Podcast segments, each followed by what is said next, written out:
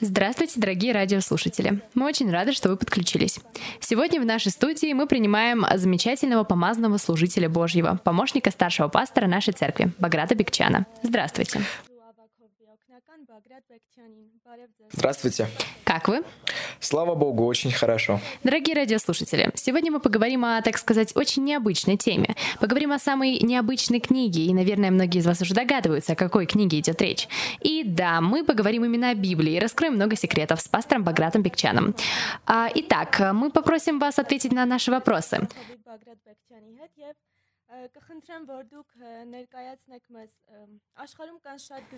В мире есть много книг. Почему именно Библия считается книгой книг? И почему самой необычной?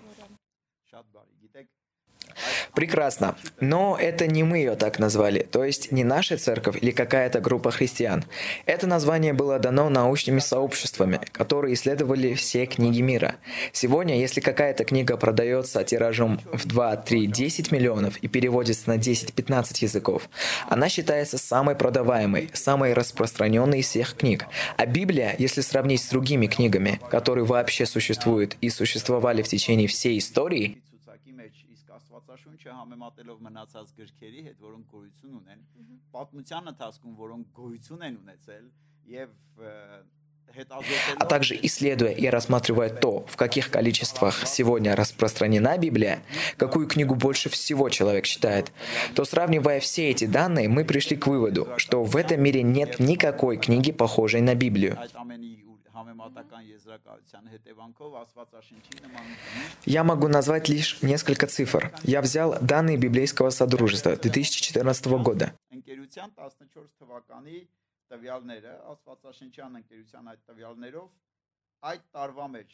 И по этим данным, в том году было распространено более 30 миллионов Библий. Это самая востребованная книга на планете, самая читаемая и только по данным 2014 года. 428 миллионов Евангелий и Псалмов. То есть Новый Завет было распространено и это. Повторюсь, я называю данные только 2014 года. Библия была переведена раньше всех. Это значит, что востребованность в ней была очень велика. Еще в 250 году до Рождества Христа в Александрии Библия была на иврите. Ветхий Завет был написан э, на иврите, а Новый Завет был написан на греческом, на разговорном греческом того времени. Также есть несколько частей в Ветхом Завете на арамейском языке. Эта книга была переведена раньше всех, с иврита на латинский. На латинский, а потом уже была распространена?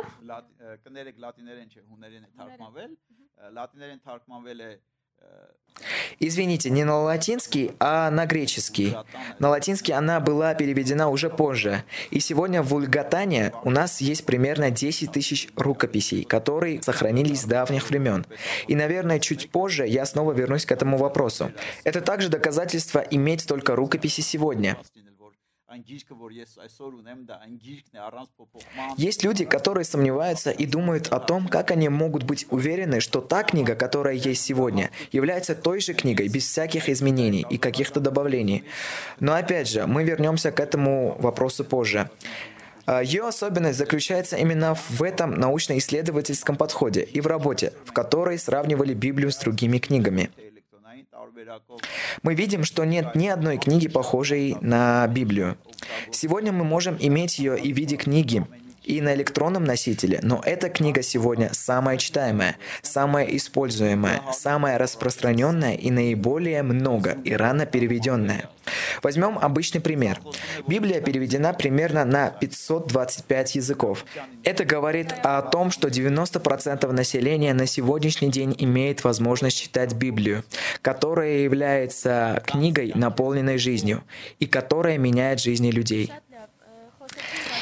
Очень хорошо. Мы поговорили о том, как была написана Библия, но кем и когда она была написана. Знаете, любая книга имеет своего автора, но одна из особенностей Библии заключается в том, что она не была написана в течение одного года. Она была написана в течение 1500 лет и была написана 40 разными людьми, которых Бог использовал. Так что автором Библии является наш всемогущий Господь. В армянском языке, э, в переводе армянского языка, Библия — это дыхание Божье. Возьмем Евангелие и посмотрим, что пишет апостол Петр. Я прочту второе послание Петра. Там говорится, что, будучи движимы Духом Святым, святые Божьи человеки изрекали Слово Божье. Бог использовал своих служителей и пророков. В Библии есть много мест, где Бог говорил, но мы знаем, что когда слово передается от человека к человеку, оно начинает меняться. И Бог знал, что слово его необходимо не только для первого века, второго и третьего, но для людей десятого века. Его слова необходимы для всего человечества. Бог давал свое слово для того, чтобы оно писалось в течение 1500 лет. Он использовал 40 человек. Это люди, которые жили в разных веках, люди из разных миров, люди с разным уровнем образования и с разными профессиями. И также одна из особенностей Библии заключается в том, что Бог использовал такое количество человек, чтобы донести до нас свои слова, чтобы внести свое дыхание и жизнь в человечество, в наши семьи, в нашу личную жизнь, чтобы Бог присутствовал в нашей деятельности.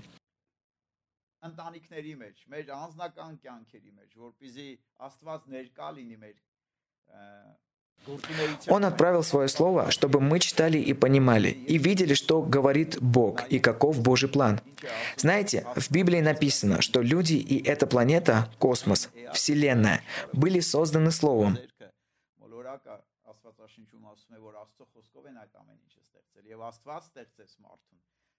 Бог сотворил человека. Человек не мог сам по себе существовать, если бы Бог его не создал. Знаете, у нас есть часы. Мы все сегодня используем мобильные телефоны. И было бы абсурдно сказать, что посредством большого взрыва в течение тысячи лет неожиданно этот сложный механизм часов появился или мобильный телефон неожиданно сам создался. Сегодня люди изучают сущность человека, человеческий мозг, ДНК, кровеносную систему, и все удивляются тому, какой это сложный механизм, и то, как он работает. Когда мы покупаем мобильный телефон или часы, с ними всегда в комплекте идет небольшая инструкция, на которой написано, для чего это и с какой целью. Как это использовать? Да, как это использовать, что делать. Бог настолько возлюбил человечество, что подарил самый дорогой подарок — своего единственного Сына Иисуса Христа. В Откровении мы видим, что одно из имен Иисуса Христа — Слово Божье. И сегодня я призываю вас, найдите Библию, читайте Библию.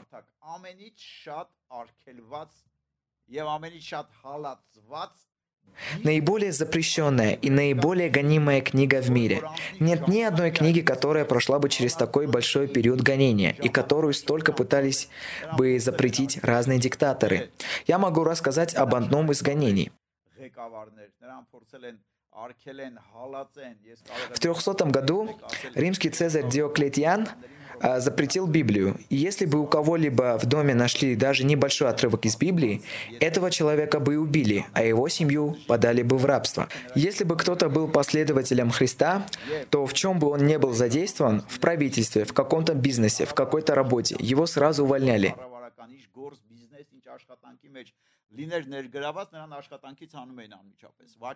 Его убивали, а его семью подавали в рабство. Но не проходит и несколько десятков лет, как Слово Божие становится одной из самых уважаемых книг в Римской империи.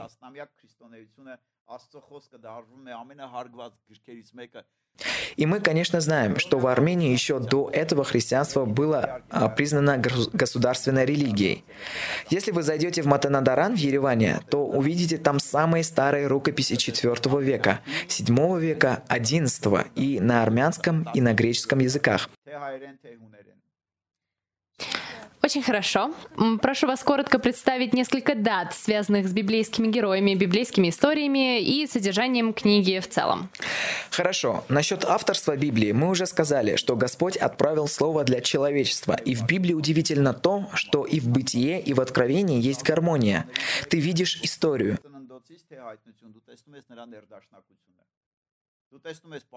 Библия состоит из 66 книг. Э, апостол Павел пишет Тимофею, «С детства своего ты знаешь книги святые».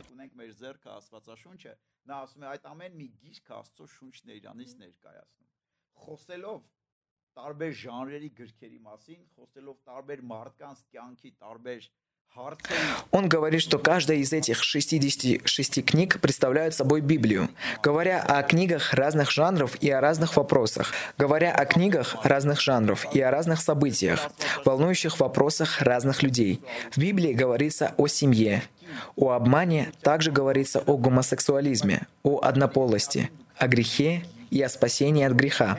Но вместе со всем этим ты находишь некую линию, которая есть в Библии. Э, с самого начала и до конца на всех страницах. Ты видишь не только историю создания человечества, но и спасения. Иисус Христос, Голгота Ивара Катарас Хачи Мичоцове которое мы приобрели через Иисуса Христа на Голговском кресте.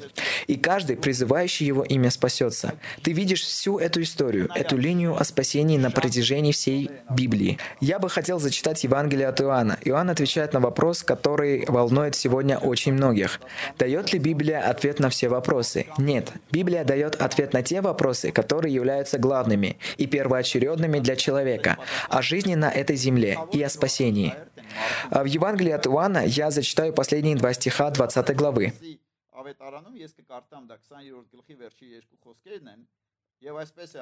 Говорится, «Много сотворил Господь пред учениками своими и о других чудес, о которых не писано в книге сей, потому что все книги мира не смогли бы вместить этого».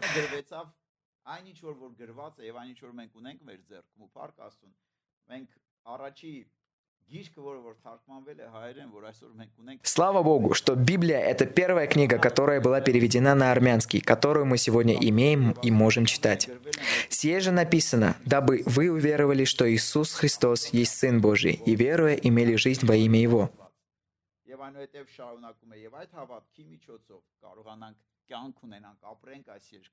Mm-hmm. Очень хорошо. И все же я бы хотела, чтобы вы представили какие-либо даты, истории, содержание героев, эм, как они были избраны.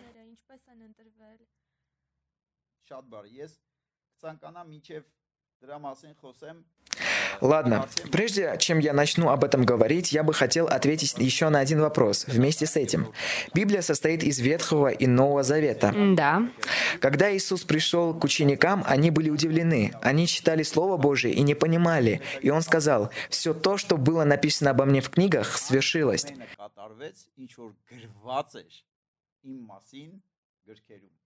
Եվ նա սկսեց բացատրել, աղոթեց, միտքը բացեց աշակերտների, որ նրանք հասկանան։ Նոր կտակարանում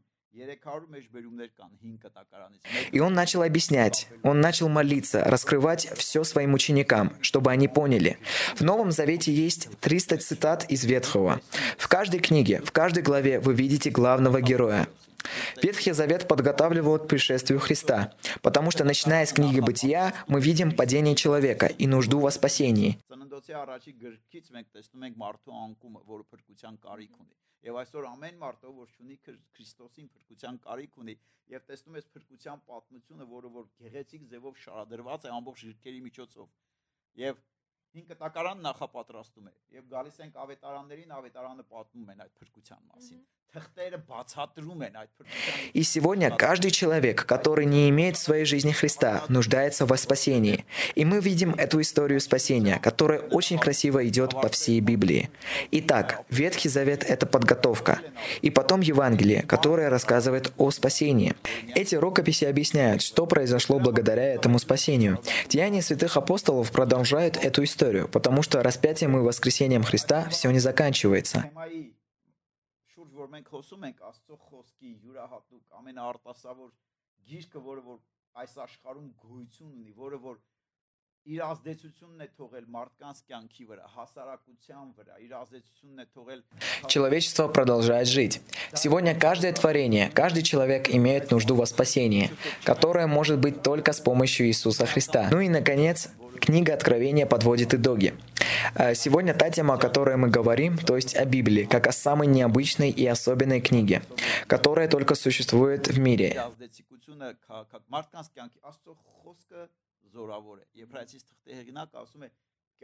И эта книга оставила свои следы в жизни людей. Общество повлияло на политику. Сегодня из-за этого влияния Библия опять же является необычной. Божье Слово очень могущественно и, как говорит автор послания к евреям, наполнено жизнью. И эта жизнь может менять жизни людей. Автор книги притчи говорит, «Слово мое – лекарство и исцеление для твоего тела». Как я уже сказал, в Библии есть очень много разных жанров. Есть исторический, есть политический, есть поэтический Սաղավետ արաններում խոսում է Հիսուս Քրիստոսի մասին։ Մարգարեական գրքեր, առակներ կան, շատ առակներ, որ մենք օգտագործում ենք։ Есть также псалмы Евангелие, где говорится о жизни Иисуса Христа. Притчи. Пророческие книги, притчи. Большинство притчи, которые мы сегодня используем, это именно притчи, взятые из Библии. Например, э, роющий яму другому сам в нее попадает. И много других. В них мудрость и книга притчи начинается именно с того, что если хочешь быть мудрым, слушай мое слово. Но одна из особенностей Библии — это пророчество. Есть пророки, которые пророчествовали о пришествии Христа за 300 лет, за 500 и за тысячи лет до его пришествия. И все эти пророчества в точности сбылись. И есть пророчества, о которых люди говорят, что пророкам просто повезло. կատարման հավանականությունը դա բախտները բերեց Существует теория вероятности, в которую я не хочу углубляться, но те, кто занимается математикой или физикой, знают, что это такое с точки зрения науки. И вот представьте, что вероятность исполнения этих пророчеств в теории была нулевой. Это было нереально. Это говорит о том, что говорящий, ну, то есть Бог, живет вне времени. Он альфа и омега, начало и конец. Он знает все от начала и до конца. Он сам продиктовал эту книгу, что также делает ее очень необычной обычный.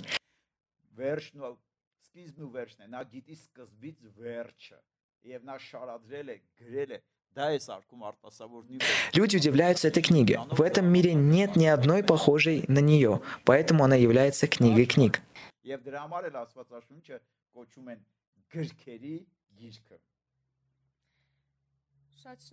Большое спасибо.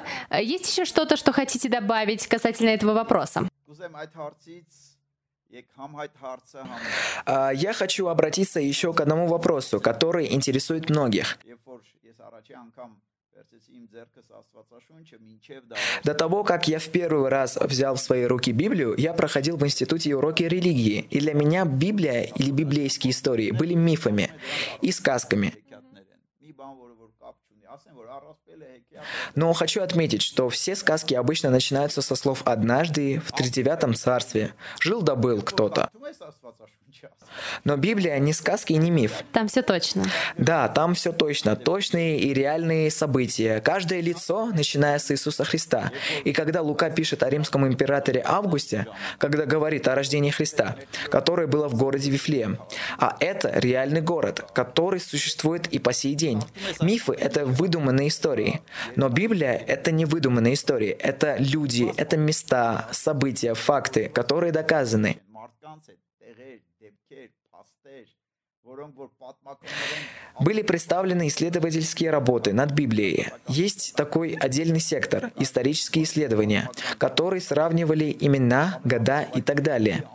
Даже атеисты начали гонения на Библию, говоря, что все это выдумка, потому что, например, э, Содом и Гамора не существовали, и буквально недавно, вследствие раскопок, археологи, занимающиеся всем этим, обнаружили плитки, на которых было написано Содом и Гамора,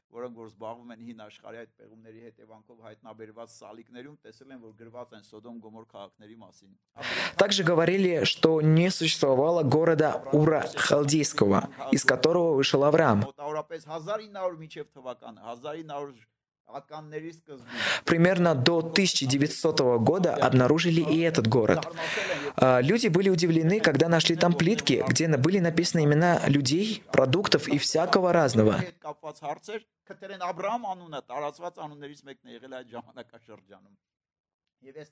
И также нашли имя Авраама, которое было довольно распространенным в это время. И я могу назвать много похожих фактов, благодаря которым э, вопрос о том, является ли Библия мифом или исторической правдой, закрыт.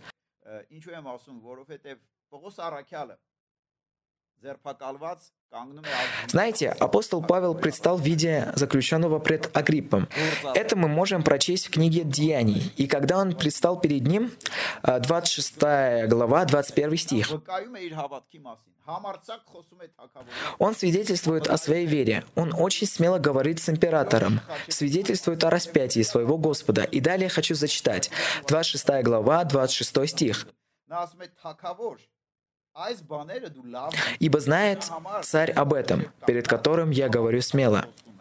Я отнюдь не верю, чтобы от него было что-нибудь из всего скрыто, ибо это не в углу происходило. նրանցից ծածկված լինի որովհետև այսինչ խոսեցի նա խոսում էր Все это происходило в Иерусалиме. Это происходило на глазах у многих людей, многих свидетелей. Апостол Павел пишет, что Христос воскрес из мертвых. И Лука пишет, что после воскресения он еще 40 дней пребывал с учениками и являлся как минимум еще 500 людям. В конце Павел также пишет, что Иисус и ему явился, человеку, который из-за своего незнания гнал христиан, был против работы Божьей, вместо того, чтобы участвовать в работе Христа. Он ее разрушал.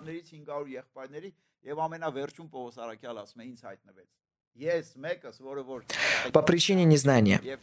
А, когда я начал читать Библию, я был очень удивлен. Я еще никогда не читал книги интереснее. Я читал не одну книгу, я читал очень много, но нет похожей на эту книгу.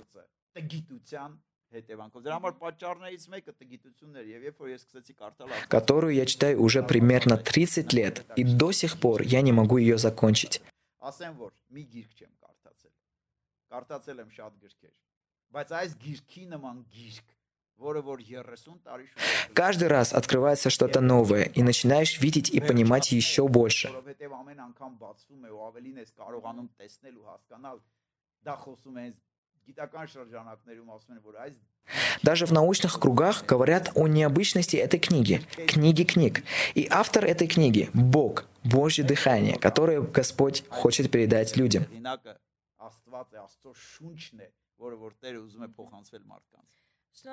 Спасибо.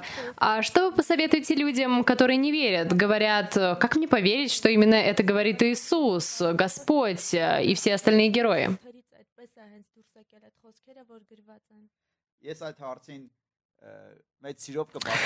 Знаете, я с радостью отвечу на этот вопрос, потому что и я задавался когда-то этим вопросом.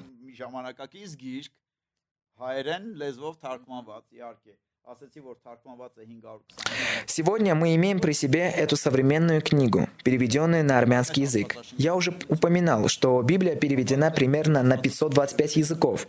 И когда смотришь на историю Библии, то видишь, что она была написана на трех языках — иврит, арамейский и Новый Завет на греческом.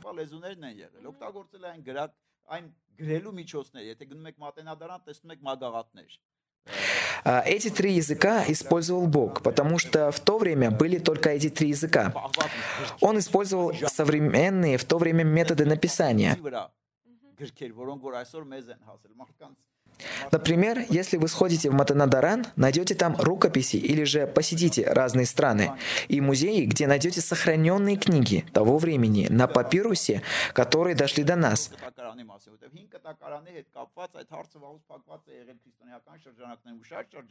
А, люди задаются вопросом, как им быть уверенным в том, что в Библии сказано, что не приписано там ничего лишнего.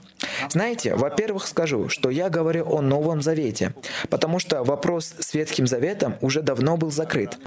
После того, как нашли рукописи в 1940 году и провели сравнивающие работы, которые доказали, что Ветхий Завет дошел до нас без каких-либо изменений.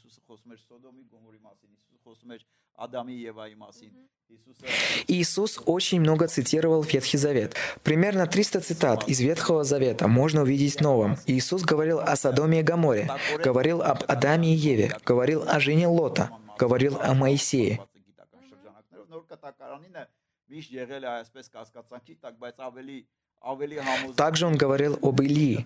В научных кругах вопрос о точности и достоверности Ветхого Завета, как я уже сказал, закрыт. А Новый Завет всегда был под сомнением. Но мы можем быть больше уверены в Новом Завете, потому что существует 5656 только греческих рукописей, начиная с 120 года.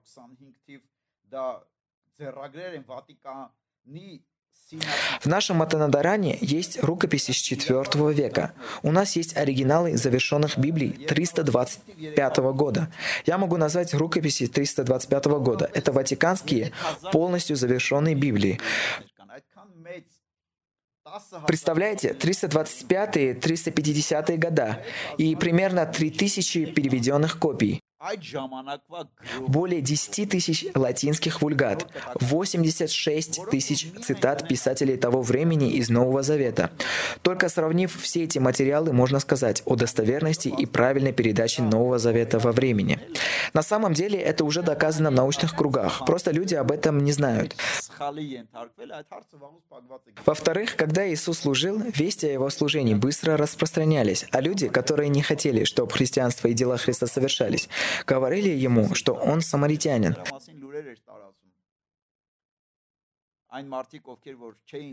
Почему? Потому что хотели, чтобы люди не общались. А, но людям не могли запретить общаться. Почему? Потому что после общения со Христом жизни людей менялись. Когда слепой встретил Иисуса, он прозрел. Когда хромые бедные встречали Иисуса, их жизни менялись. Когда блудницу привели а, к Иисусу, написано, что он не взял камень и не побил эту женщину.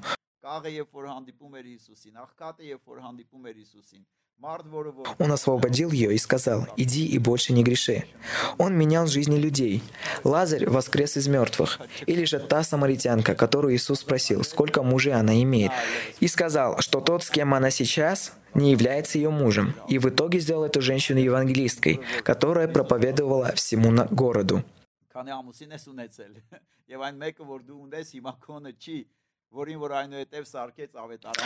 мы понимаем, что это духовная война, поэтому об Иисусе распространялись новости, что Он самаритянин.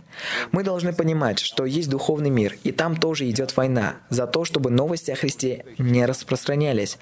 А, но Слово Божье говорит, что сатана очерняет сердца людей, держит их. Свет Евангелия, который распространяется с помощью таких передач, как это, с помощью церкви, Бога, служителей и распространения Слова Божьего, разрушает любые дела сатаны. Никто не может запретить Слово Божье. 86 тысяч цитат из других книг. Сегодня люди читают разные античные мирские книги, и многие из них дошли до нас в одной копии. Но при этом э, книга, которая дошла до людей уже со значительными изменениями, всего тысячи лет. Например, одна из таких книг — это история появления императора. Люди, изучающие эту сферу, знают, что оригинал этой истории, написанный на папирусе, пропал — потому что не могли перевести написанного. Конечно, написанное на пергаменте уже не смогли перевести.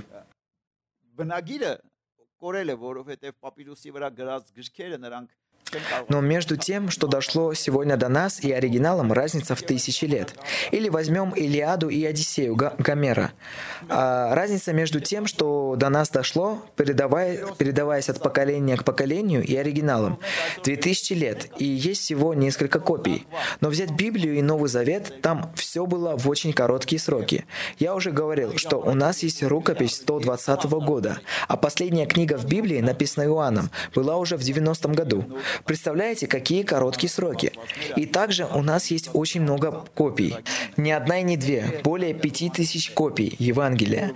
86 тысяч цитат. 10 тысяч вульгатан. ունենք այսքան շատ օրինակ, ոչ թե մի օրինակով, երկու օրինակով, ասեցի մենակ նոր կտակարանի 5000-ից ավելի օրինակ ունենք, 86000 մեջբերում, 10000 վուլգատա, մեր у нас в Матанадаране есть множество армянских рукописей 4, 6, 7 и 8 веков. Поэтому, опять же, этот вопрос в научных кругах давно закрыт.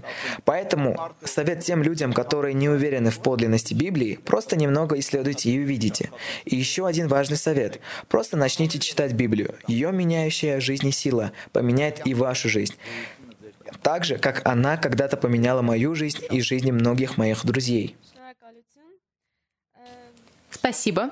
А, Многие говорят, что читать Библию сложно, что они читают и не понимают. Связано ли это с уровнем образования или нет? И если нет, то с чем это связано? А, знаете, я уже упоминал, что Библия была написана на разговорном греческом. Она могла бы быть написана на классическом греческом, то есть на литературном. Как если бы мы сейчас говорили на литературном армянском. Многие люди не могли бы понять, поэтому было написано на разговорном, употребляемом языке языке того времени. Почему? А, чтобы каждый мог понять. Однако, а, когда Иисус а, пребывал с учениками, Он много говорил о том, что будет распят и воскреснет. Но когда Он воскрес и явился перед ними, они были напуганы и удивлены, потому что их разум ограничивал то, что говорил Иисус.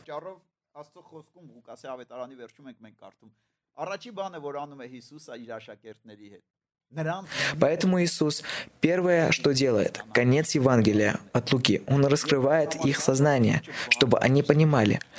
А, Библия несложная, она написана для людей всех веков, каждой страны, города, нации, пола, каждого места, где живут люди, и ее язык очень простой. Возможно, вы не понимаете, тогда вам мой совет. Перед чтением обратитесь к ее автору, к Богу, чтобы он так же, как и ученикам, раскрыл сознание – հեղինակին։ Ոնց որ Հիսուսը իր աշակերտների միտքը բացեց, իմ աղոթքս է նույնպես։ Ամեն մեկը, И это также моя молитва, чтобы каждому из вас, кто берет в руки Библию, Бог раскрыл, чтобы вы понимали, читая, понимали. Повторюсь, Библия — не сложная книга, и пусть Дух Божий поможет каждому читать и понимать, и наполнять этим жизнь. Знаете, скоро Пасха, мы будем праздновать воскресение Христа. Некоторые люди наверняка думают, как? Э, как кто-то может воскреснуть из мертвых? А, Но Христос был первым, кто воскрес. И есть вечная жизнь, подготовленная для каждого из нас. Через крест Он погиб для нашего искупления. ասել ոնց, ոնց, ինչպես հնարավոր է արդյոք, որ մարդը մեռելներից հարություն առներ։ Քրիստոսն առաջինն էր հարություն առավ եւ կա հավիտենական կյանք։ И когда придет день Пасхи, и мы будем праздновать, я хочу сказать каждому из вас, что Христос жив, и призывающий Его имя будет спасен. У нас есть Бог, у которого есть глаза, и Он видит, есть уши, и Он слышит. И Он отправил нам эту книгу, чтобы мы читали и видели, и понимали, какова воля Господа для нас. Եվ նա ուղարկել է իր գիրքը, որպեսզի մենք կարդանք, տեսնենք այդ ամենի մեջ հասկանանք։ Воля Божья, чтобы каждый спасся, пришел к пониманию истины и имел вечную жизнь. А Иисус сказал, что верующий в Него будет иметь жизнь вечную. Именно это откровение, которое я попробовал кратко передать, ты можешь прослеживать во всей Библии, начиная с Бытия и до Откровения.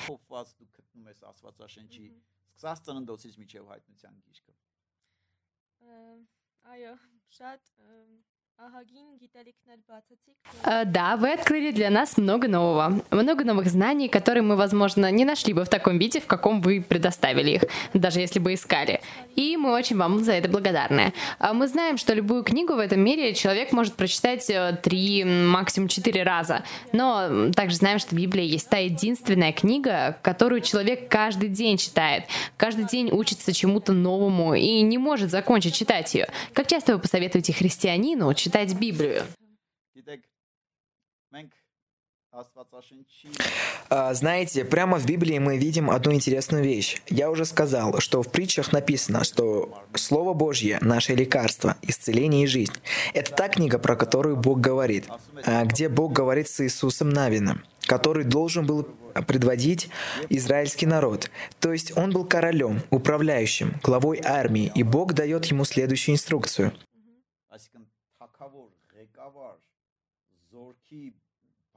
«Да не отходит сия книга закона от уст твоих, но поучайся в ней день и ночь, дабы в точности исполнять все то, что в ней написано. Тогда ты будешь успешен в путях твоих и будешь поступать благоразумно».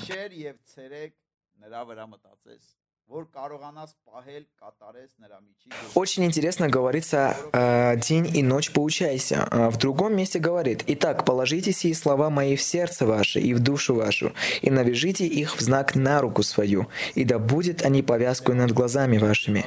Это значит, что ты не должен читать Библию только раз в год. И не скажу раз в месяц и не раз в день, по одной минуте. Я хочу сказать, что эта книга всегда должна быть перед глазами. Читай ее сколько можешь. Лично я читаю ее несколько раз в день. У меня есть утром предназначенный для этого час, когда я могу глубоко поразмыслить над этим.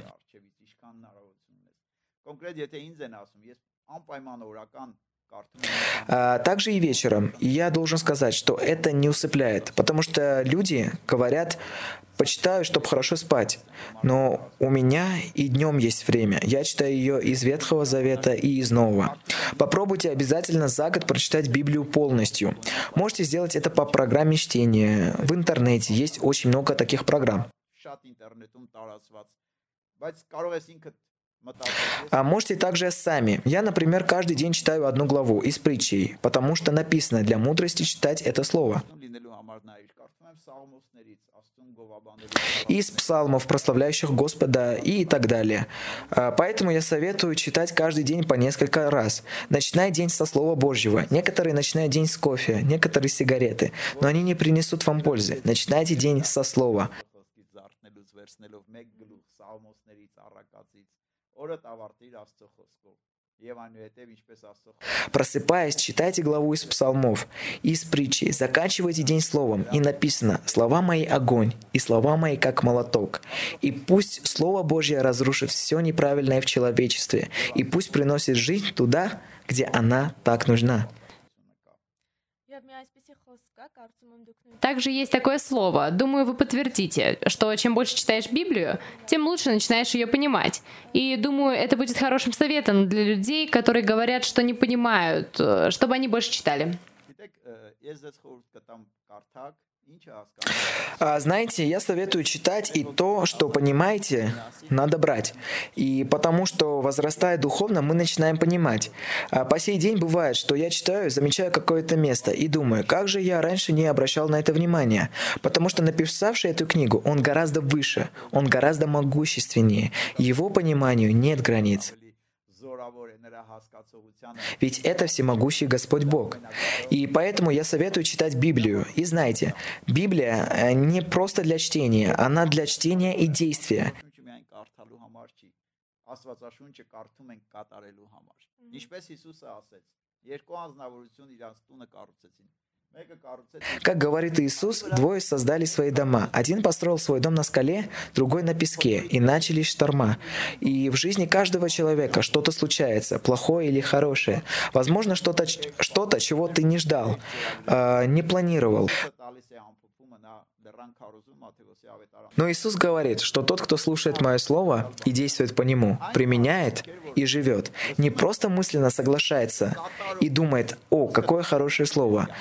но я не могу воплотить его в жизнь. Тот подобен тому, кто строит свой дом на скале. И никакой шторм, ничего не может разрушить этот дом. А дом того, кто строит на песке, разрушится. Ով որ խոսքը կատարում է, նրա տունը նման է ժայռի վրա կառուցված տունի, եւ այ ոչ մի փոթորիկ, ոչինչ նրա տունը չկարողացավ։ Бог стоит за своим словом. Исаия говорит, как дождь и снег не сходит с неба и туда не возвращается, но наполняет землю и делает ее способной рождать и произвращать, чтобы она давала семя тому, кто сеет, и хлеб тому, кто ест. Так и слово мое, которое не исходит из уст моих. Господь говорит, что это слово приходит для того, чтобы оно стало истиной. И пусть в вашей жизни Слово Божье станет истиной.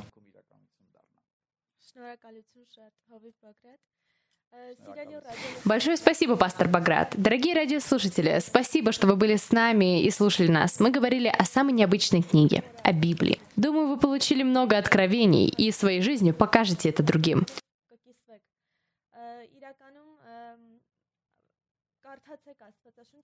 Читайте Божье Слово, и пусть каждый день эта книга будет с вами, где бы вы ни были и куда бы ни шли. Пусть это не будет какой-то книгой на полке, но самой главной инструкцией к вашей жизни. Также хочу сделать небольшое объявление. Well Radio желает увеличить свое поле деятельности, и для этого нужна ваша поддержка. Если в вашем сердце есть желание чем-либо помочь и пожертвовать, неважно в каком размере. Можете открыть сайт Волрадио, выбрать раздел «Донейт» или «Пожертвовать». В поле «Цель» указать Волрадио. Пусть Господь обильно благословит вас, ваше сердце и ваше пожертвование. Э, пастор Баграт, э, есть что-то, что вы хотите добавить? Как мы уже сказали, читайте Библию, исполняйте Слово. Пусть ваш дом будет построен на скале. И помните цель Библии, чтобы все знали, что Иисус Христос – Спаситель мира. Кто призовет имя Его, будет спасен.